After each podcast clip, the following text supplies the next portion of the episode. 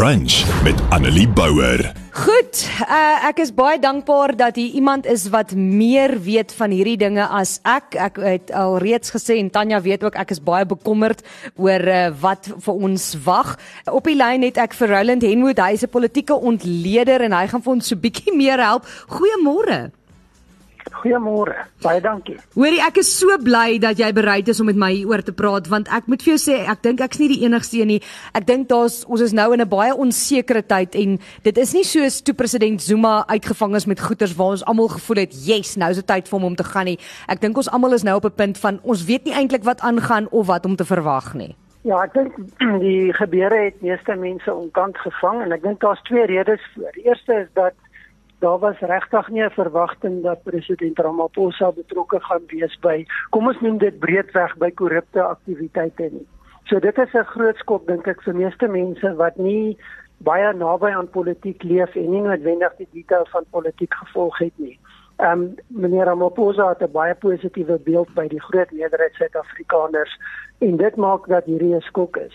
Ek dink die tweede rede waarom dit mense onkant vang is die bron van hierdie inligting wat nou die probleme geskep het is hoogs verdag. Mm. Ehm mm. um, dit kom uit die vyandige ehm um, kringe teen meneer Ramaphosa, maar ook kringe wat geassosieer word met die diep korrupsie van die Zuma era. En in hierdie twee faktore saam dink ek is bietjie van 'n skok op die stelsel dat dit onverwags is en dat dit amper onverklaarbaar is.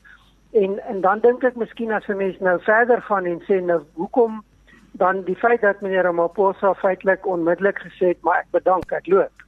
Dit is waarskynlik hoekom dit vir mense 'n skok is en dis heeltemal onverwags um, in ons politiek ek het 'n vraag hier gekry op WhatsApp wat sê, "Kan jy asseblief vir ons mooi verduidelik wat is dit wat die president nou so verkeerd gedoen het omdat hy is dit omdat hy nie die geld aangemeld het nie? Het hy nie mense wat dit vir hom moet doen nie?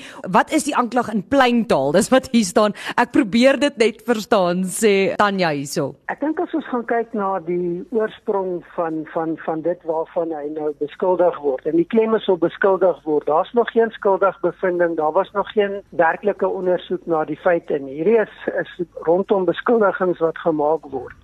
Dan is daar 'n klomp 'n klompie goed. Maar ek dink voordat dit sê, mens moet die konteks verstaan. Meneer Ramaphosa is 'n baie welgestelde persoon en binne die konteks van veral die ANC is dit iets wat nie goed afgaan nie. Daar's altyd wantroue en skeptisisme teen iemand wat baie welvarend is, want waar kom dit vandaan? En dan die verlies aan vertroue dat hierdie persoon kan nie ons wat arme mense is se belange dien nie. So dis miskien die die breër agtergrond wat ek wil skets. As ons gaan kyk na die spesifieke probleme, is dit nommer 1 dat meneer Ramaphosa 'n besigheid bedryf waaruit hy inkomste verdien en dis een van die bevindinge van die kommissie is dat hy ander inkomste het as sy salaris as president en dit mag nie gebeur nie. 'n President mag net en enige minister mag net hulle amptelike salaris kry hulle mag nie uit ander bronne inkomste verdien nie.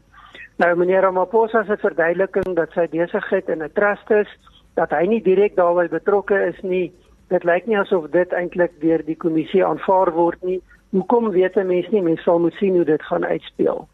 Die tweede belangrike klag is dat jy mag nie groot bedrae buitelandse valuta in jou besit hê in Suid-Afrika nie. Dit moet na 'n sekere tyd in rand omgesit word en dan as daar 'n is dit ook nodig om daai bron te kan verklaar hoekom het jy so baie buitelandse valuta. Nou daar's geen duidelike antwoorde op daai vraag nie. Waar kom dit vandaan en hoekom is dit in die president se besit op sy plaas? Hoekom is dit nie verklaar nie? Dan het dit belasting implikasies en regulatoriese implikasies. En dan 'n vierde vraag wat na wat nie beantwoord is nie is waarom is hierdie nie aangemeld nie. Waarom het die president min oor nie 'n klag by die polisie gelê nie? Nou weer eens net om konteks te gee, die president was ten tye van hierdie voorval in Addis Ababa by die Afrika Unie beraad gewees.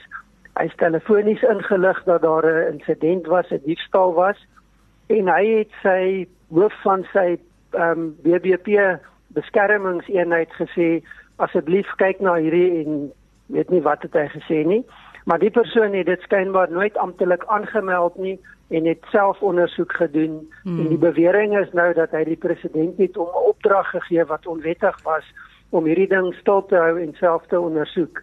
Daar's nog nie werklike antwoorde hierop nie. Ek dink dit is miskien die groot swakpunt is dat die president het te lank gewag, heeltemal te lank dink ek om antwoorde te gee. Hy het 'n geleentheid gehad, sou waarskynlik baie minder van 'n kwessie gewees het.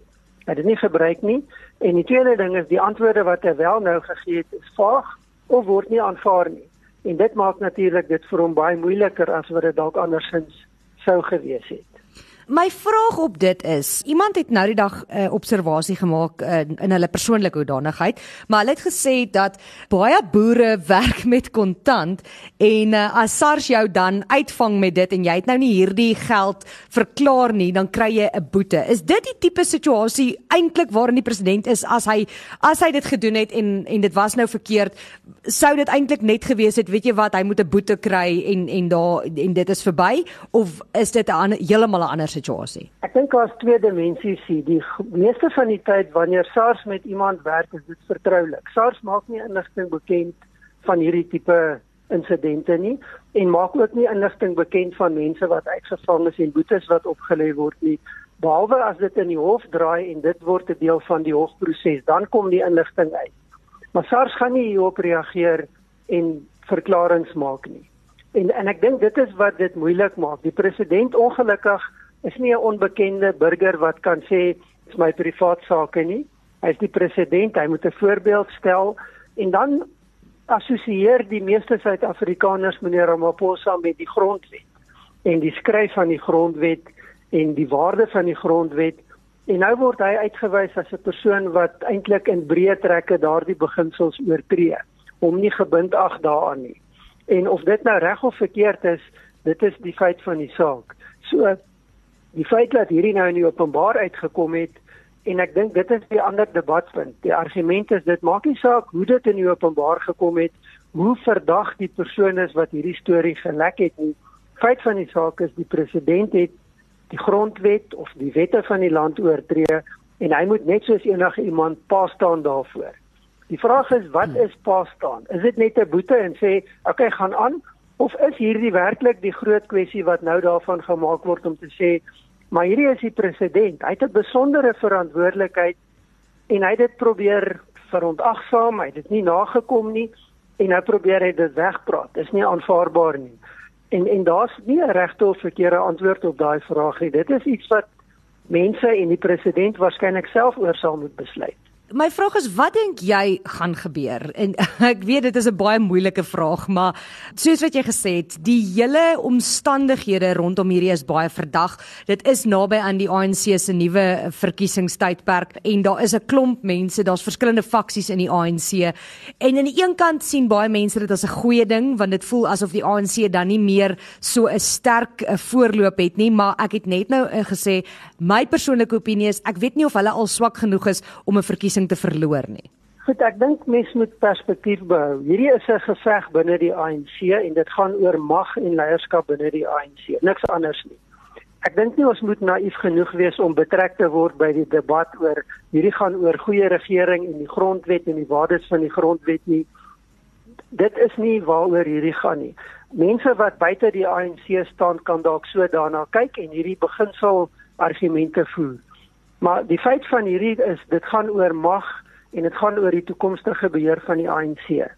En ja. baie duidelik dat as meneer Ramaphosa by die konferensie kom wat 16de Desember begin, gaan niemand omkeer om te verkies te word as die president van die ANC en nog 'n termyn ten minste tot die volgende verkiesing as president van Suid-Afrika te dien nie. So sy opponente het alles in hulle vermoë probeer doen om seker te maak hulle stop hom voor die konferensie, want dis al kans wat hulle het. Ja. En dit lyk asof hulle baie naby daaraan gekom het. Ehm um, of hulle dit gaan regkry of nie, dit sal 'n mens nou moet sien. Ehm um, ek het 'n vermoede dat die ANC gaan die geleedere sluit om hom en hulle gaan hom beskerm. Natuurlik gaan sy opponente binne die ANC hom probeer uitwys. Ons weet dis hoe die ANC werk, dis 'n diep verdeelde organisasie wat geweldige gefaksiegevegte beleef.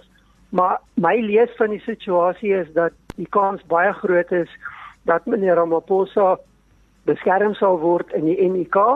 dat hy 'n meerderheid sal kry en dat indien hierdie saak tot stemming in die parlement kom dat die ANC hom sal beskerm en dis belangrik soos wat hulle meneer Zuma beskerm het en ek dis wat baie mense kwaad maak sê ja tipies dis maar dis hoe partye werk mm. en hulle gaan dit waarskynlik weer doen.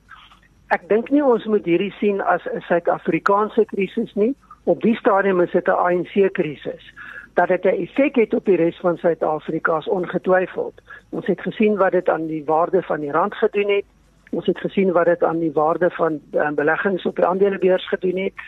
En en en daar kan baie vrae oor gevra word. Maar weer eens dit is die aard van die politiek in Suid-Afrika en en vir die afsienbare toekoms gaan dit so bly. Miskien net jou laaste punt die ANC is die grootste party dis op die stadium die meerderheidsparty in die parlement. Daar is aanduidings dat hulle steun wegkalwe en dit is moontlik dat die ANC in 2024 minder as 50% stemme gaan kry, maar dis nou dit het nog nie gebeur nie. So ek stem met jou saam. Mens moenie spring van die een na die ander en dink dis klaar voldonge feit nie. Wat wel so gaan wees, soos dinge nou staan, die ANC sal steeds die grootste politieke party in Suid-Afrika wees. Of dit bo 50% of onder 50% eindig in 'n verkiesing, dit gaan die grootste enkele politieke party wees. Met ander woorde, dit sal steeds die party wees waarmee almal moet rekening hou wanneer hulle met die politiek en met die toekoms van regering omgaan. Hoe dit gaan uitspeel is op die stadium nog bespiegeling want dit het nog nie gebeur nie. My ander vraag is wanneer dit kom by die ander politieke partye, uh, die DA het gevra uh, president Ramaphosa moet bedank. Daar's EFF mense wat sê Ramaphosa moet bedank. Uh, dink hulle dit gaan tot hulle voordeel wees as so iets gebeur want ek kan nie verstaan hoekom 'n party wat eintlik op hierdie stadium geen meerderheid het, voel dat hulle hier uit gaan baat nie. Absoluut korttermyn eie gewin. Ehm um, dit is partye wat sê wat dink hulle voorspoed en voordeel lê in die vernietiging van die ANC op die korttermyn en enigiets wat die ANC gaan verswak sien ons oppositiepartye as in hulle belang. En dis iets wat 'n mens miskien baie versigtig na moet gaan kyk van hoe speel dit uit en wat is die onmiddellike gevolge? Ehm um, as ek oppositiepartye moet advies gee, sou ek sê kyk na twee scenario's. Die een is hoe berei jy voor en bou jy jou rol in die volgende verkiesing in? En die sukses wat jy behaal, posisioneer jou vir wat gebeur na die verkiesing. Die tweede belangrike scenario is ja, jy kan die ANC baie skade berokken. Ons weet Ramaphosa is die ster in die ANC. As hy loop, gaan die ANC onder baie groter druk wees. Maar en dis vir my die belangrike punt. Die ANC gaan nog die regerende party wees ten minste tot met die verkiesing in 2024. En dis die vraag wat oppositiepartye moet beantwoord. Watse omgewing skep hulle? Watse klimaat skep hulle vir regering wat vir kom ons sê rowweg vir die volgende 2 jaar nog moet plaasvind? En ek dink dit is 'n vraag wat groter is as die korttermynbelang van 'n oppositieparty of 'n groep oppositiepartye. Want dit is die vraag wat beantwoord moet word wat die konteks en die lewens van Suid-Afrikaners direk gaan raak.